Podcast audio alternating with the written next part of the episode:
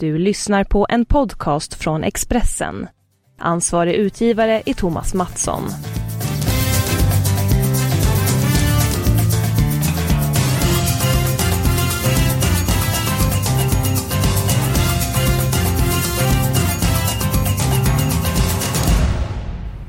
Sommaren går snabbt. Eh, Fotbolls-VM är över. Det är eh, sedan gammalt. Men en sak som inte är gammalt är att Robin Olsen, den svenska landslagsmålvakten, i veckan blev han klar för den italienska storklubben Roma.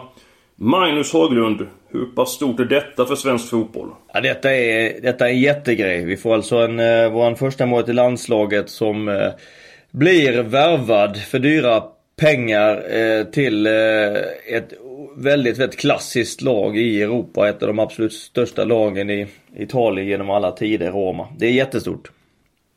Ja, det är verkligen stort. Eh, prislappen på 120 miljoner. Sveriges eh, i särklass eh, dyraste målvakt. Om vi tar Robin Olsen. Vilka egenskaper gillar du allra mest hos honom?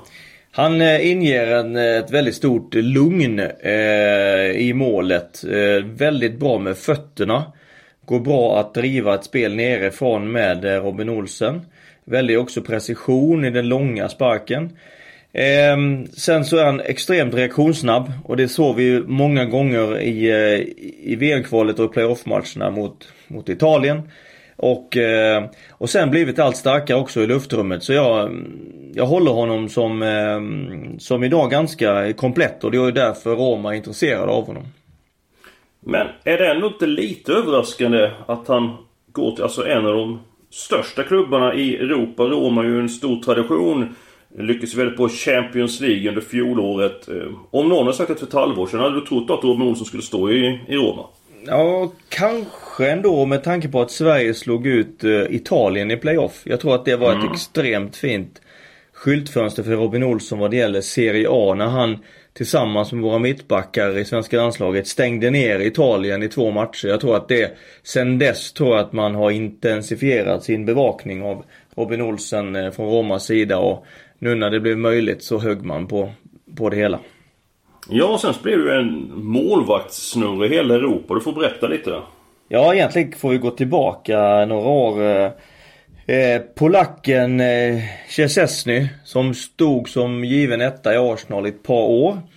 Eh, det blir ju så att, att Arsenal bestämmer sig, Wenger bestämmer sig för att värva Peter Cech sommaren 2015. Eh, Chesney nöjer sig ju givetvis inte med att sitta på en bänk i Arsenal utan, utan blir då upplockad av Roma. Eh, så Chesney spelar i Roma 2015-2016 den säsongen. På sommaren eh, 2016 så värvar Roma Allison från Internationale som en mycket stor målvaktstalang från Brasilien. Mm. Men Chesney är, eh, är oerhört bra hela, även, ehm, även fortsättningsvis. Så han står och Allison sitter varje match på bänken. Spelar ingenting i Serie A säsongen 2016-2017. Sommaren 2017 så, så är det väl ganska uppenbart att det blir, att det blir Luigi Buffons sista eh, säsong i eh, i, i uh, Juventus. Juventus ska då i sin tur värva en arvtagare till Buffon. Den väldige Buffon. Mm. Och bestämmer sig då för att värva Chesney eh, som på sikt då ska ta över eh, efter säsongen 17-18 och bli förstemålet i Juventus. Detta i sin tur då öppnar givetvis för Allison som då hoppar upp och tar klivet upp som första målvakt i Roma när Chesney går till Juventus in, inför säsongen 17-18. Allison gör dundersuccé i Roma. Roma kommer trea den här säsongen, släpper in endast 28 mål på tre matcher. Allison visar sig vara en fantastisk målvakt, också extremt bra med fötterna. Detta attraherar i sin tur eh, Liverpool som hade sin målvaktskarusell. Eh, Klopp satsade på Mignolet, belgaren. Stämmer gott det. Sin första tid i klubben. Eh, man värvade in eh, tysken från Mainz, Karius. som tog över första målvaktströjan våren 2018. Och ända fram till den och gjorde väldigt, gjorde väldigt, väldigt bra. Klopp uttalade att man satsar på Karius. Detta var hela vägen fram till Champions League-finalen mot Real Madrid som vi har pratat om en hel del i podden. Ja, där han gjorde ett par tavlor och fick hjärnskakning tidigt i matchen. Ja, exakt. Och precis var det så. Och det innebär att eh, det stod man inför ett val i Liverpool. Hur gör vi med Karius framöver? Är det en mål vi ska satsa på eller inte? Och med all tydlighet visar man, det är det inte. Istället man ändrar sig och så lägger man upp 700 miljoner kronor lite drygt. För att då värva Allison som har en säsong i Europa bakom oss. En väldigt succéartad säsong. Men likväl en säsong bara. Eh, bakom sig i Roma. Man tar in honom som första målvakt. Värvar från Roma till Liverpool. Det innebär att första målvaktsplatsen i Roma blir ledig. Och då har man följt Robin Olsson i över ett halvår och bestämmer sig vi lägger 120 miljoner kronor av de 700 miljoner vi har fått in att värva Robin Olsen. Det är den stora och långa målvaktssnurran det i Europa. Ja, det var inte lätt att hänga med på alla årtal där. Det var imponerande att du kunde allt där. Men du är ju en gammal eh, målvakt. Eh, lite grann med Alisson. Hur tror du han kommer lyckas i Premier League? För det är ju en väldigt tuff liga. Jättetuff liga, men han verkar ha ett hjärnpsyke, den killen. Han, han kom ju in och, utan någon erfarenhet från spel i Europa och, och stängde igen i Roma och spelade, eh, gjorde en extremt stark säsong. Också han, vilket som, som i alla ligor men också givetvis i Premier League, väldigt bra med, med fötterna. Eh, var också ett, gjorde också ett bra VM. Eh, så att han har fått erfarenhet från, eh, från riktigt stora matcher också det här, eh, det här eh, sista, sista 12 månaderna. Så att eh, jag tror givetvis att det är en bra värvning för Liverpool. Och man, man vågar helt enkelt inte gambla i Liverpool. Klopp vågar inte chansa på att Karius har liksom hämtat sig och, och, sm och smält det han har varit med om på bästa sätt. Utan man tar in, ny mål, tar in en ny målvakt och, och slantar upp rejält för det.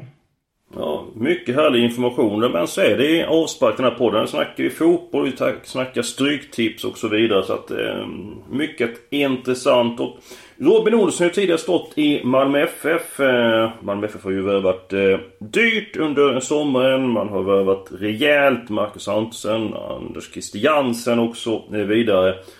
Men ändå verkar som att uppgörelsen om guldet blir en strid mellan Stockholmsklubben och IFK Norrköping. Alltså AIK, Djurgården, Hammarby och IFK Norrköping. AIK nämnde du tidigt Magnus, att det var ju din eh, guldfavorit. Eh, om vi går på de säkra eh, tipsen den här veckan så match nummer 9. AIK Kalmar FF, där har jag en eh, etta.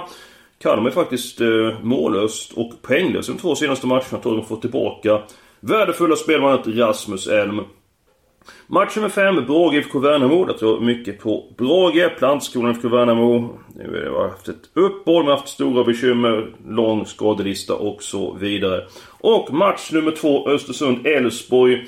Elfsborg som fick sin svit spräckt eh, borta mot IFK Norrköping. Östersund körde ju över Trelleborg i matchen avgjord efter 11 minuter. 3-0 eh, redan där. Till frågan nu här som jag ställde för en minut sedan. Blir Allsvenskan uppgörelse mellan IFK Norrköping och Stockholmslagen? Eller kan något annat lag blanda sig i guldstriden?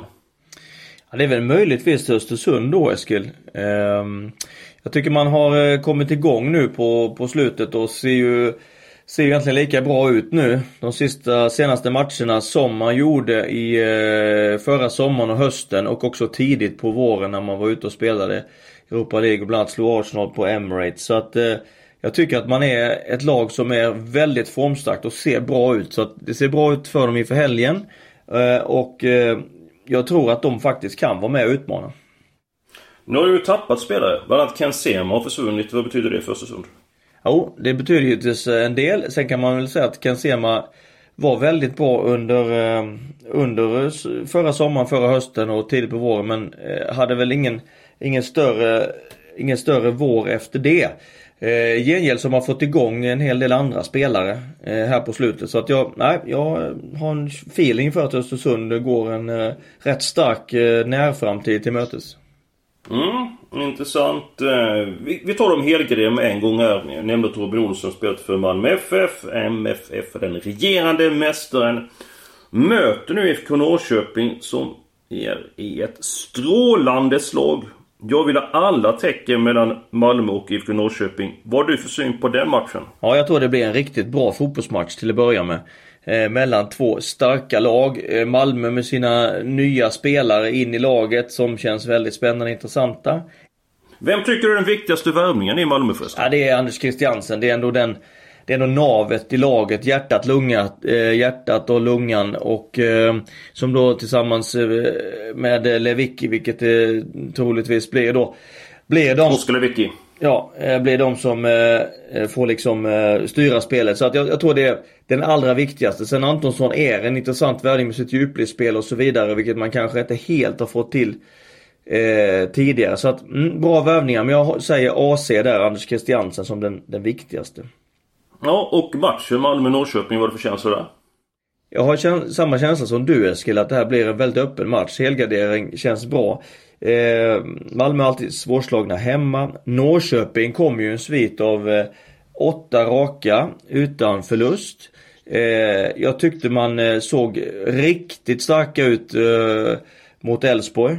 Eh, enormt bra inledningsvis på matchen men på det hela taget en, en stark insats. Enda mm. minuset för Norrköping, Fjölason är eh, avstängd. Drog på sig sitt, eh, ett gult kort igår. Det är ett minus. Men eh, man ser stark ut som lag. Man har en ganska bred trupp i Norrköping nu. Så att eh, mm, man kommer åka till Malmö och sälja sig mycket dyrt. Mm, ja men vi tar alla tecken i den eh, matchen. Match nummer 8. IK Frej mot Gais. Du får blanda tecken även här. Allt lite grann svårbedömt när lagen har haft uppehåll på en 2-3 veckor. Men jag tror att IK Frej kommer gå bra i slutet av vårsäsongen. Sen så är en match som...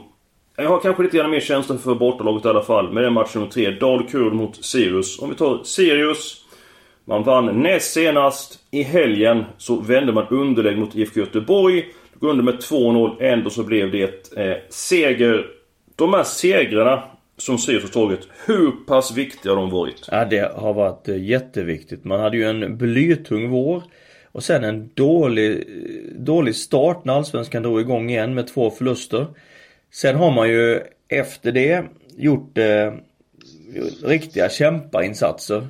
Och vunnit med, vunnit eh, två raka, vände 0-2 till 3-2 hemma mot Göteborg. Det, det, betyder enormt mycket för moralen och kulturen. Fått in Robert Åhman Persson som vi pratade om förra veckan. Mm. Eh, så att... Eh, De som inte var med förra veckan, vad betyder att han är med Magnus?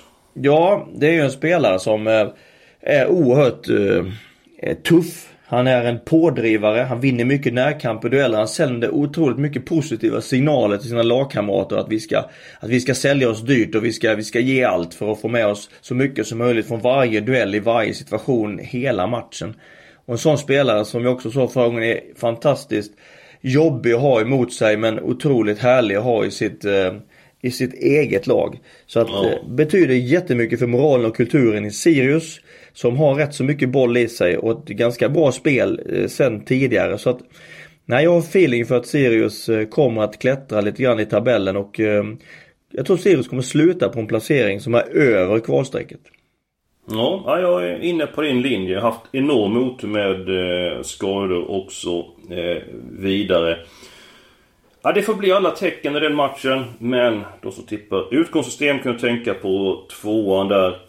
Det är dags för ett par halvgarderingar. Match nummer 13 Jönköping-Helsingborg. Eh, kryss 2. Vad är det som är speciellt med den här matchen, Magnus? Jo, det är ju så pass speciellt att eh, vår hjälte från eh, VM, vår lagkapten från landslaget Andreas Granqvist gör comeback i Helsingborgs IF på Stadsparksvallen. Eh, och eh, det lär väl tilldra sig ett mycket stort intresse, antar jag. Ja, absolut, visst är det så. Match nummer 10. Djurgården-Sundsvall. 1 kryss där. Djurgården avgjorde ju i slutet mot Häcken. En snackis i den matchen var ju Jonas Olsson som tog stryptag på en Häckenspelare. Solklart rött kort tyckte många, bland annat tränaren Andreas Alm. Din syn på den här händelsen Magnus? Ja, min syn är ju också att det är ett rött kort. Därför att det, det kan inte vara okej att ta stryptag på en, eh, på en motståndare. Oavsett om man har, man har liksom gnabbats och, och gruffat lite på varandra under, en, eh, under lång tid i matchen så, så oavsett så är det ju, kan det inte vara okej att ta stryptag. Hur kommer det sig att det bara blev gult kort då? Det är mycket. Det får man fråga domaren Glenn Nyberg om faktiskt. Jag skulle vilja faktiskt ha hans eh, kommentar till det. Som jag inte har fått med mig. Vad han sa om den situationen. Eh, för mig är det ett rött kort. Ja, du har varit där på möte med domare och så och ni har träffats och pratat. Hur pass viktigt har det varit för dig att förstå domarens situation? För att vara domare är ju inte lätt. Alltså, du kan göra en kanonmatchning. Gör du ett litet misstag så blir du mer eller mindre eh, kölhalad av alla. De folk tycker inte om det och så vidare. De här diskussionerna haft med domarna. Vad har det inneburit för er?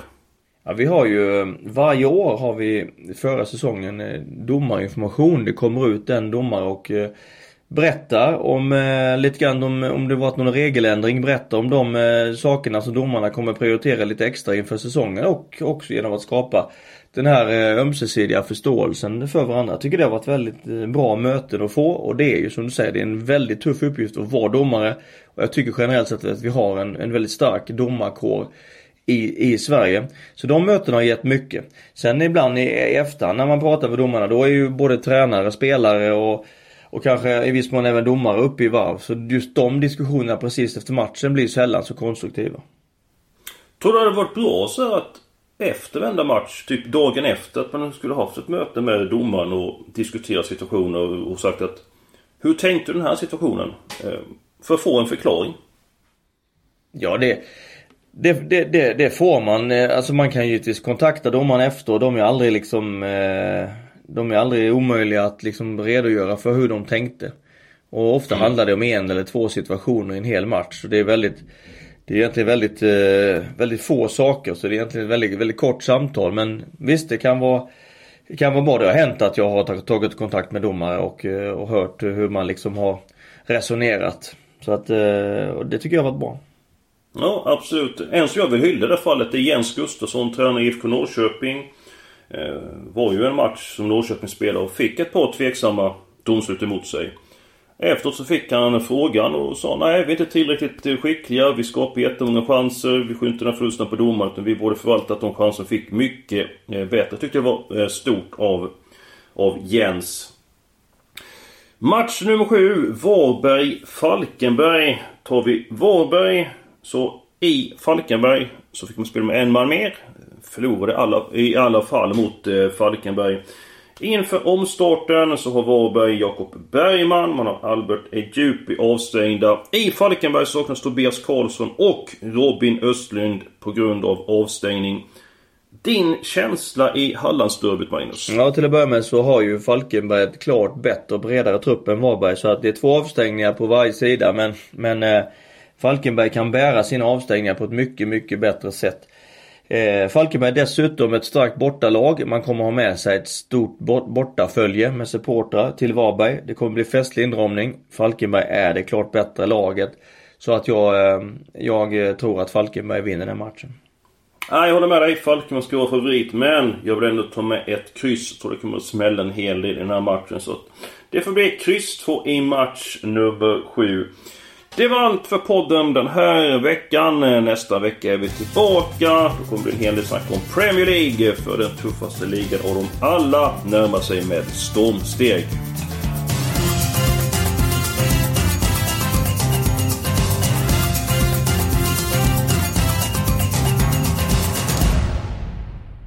Du har lyssnat på en podcast från Expressen.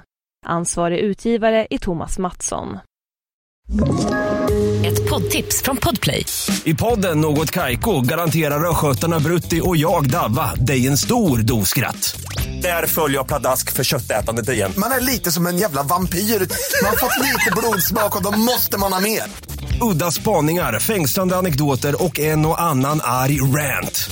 Jag måste ha mitt kaffe på morgonen för annars är jag ingen trevlig människa. Då är du ingen trevlig människa, punkt. Något kajko, hör du på Podplay. Därför är gardinerna.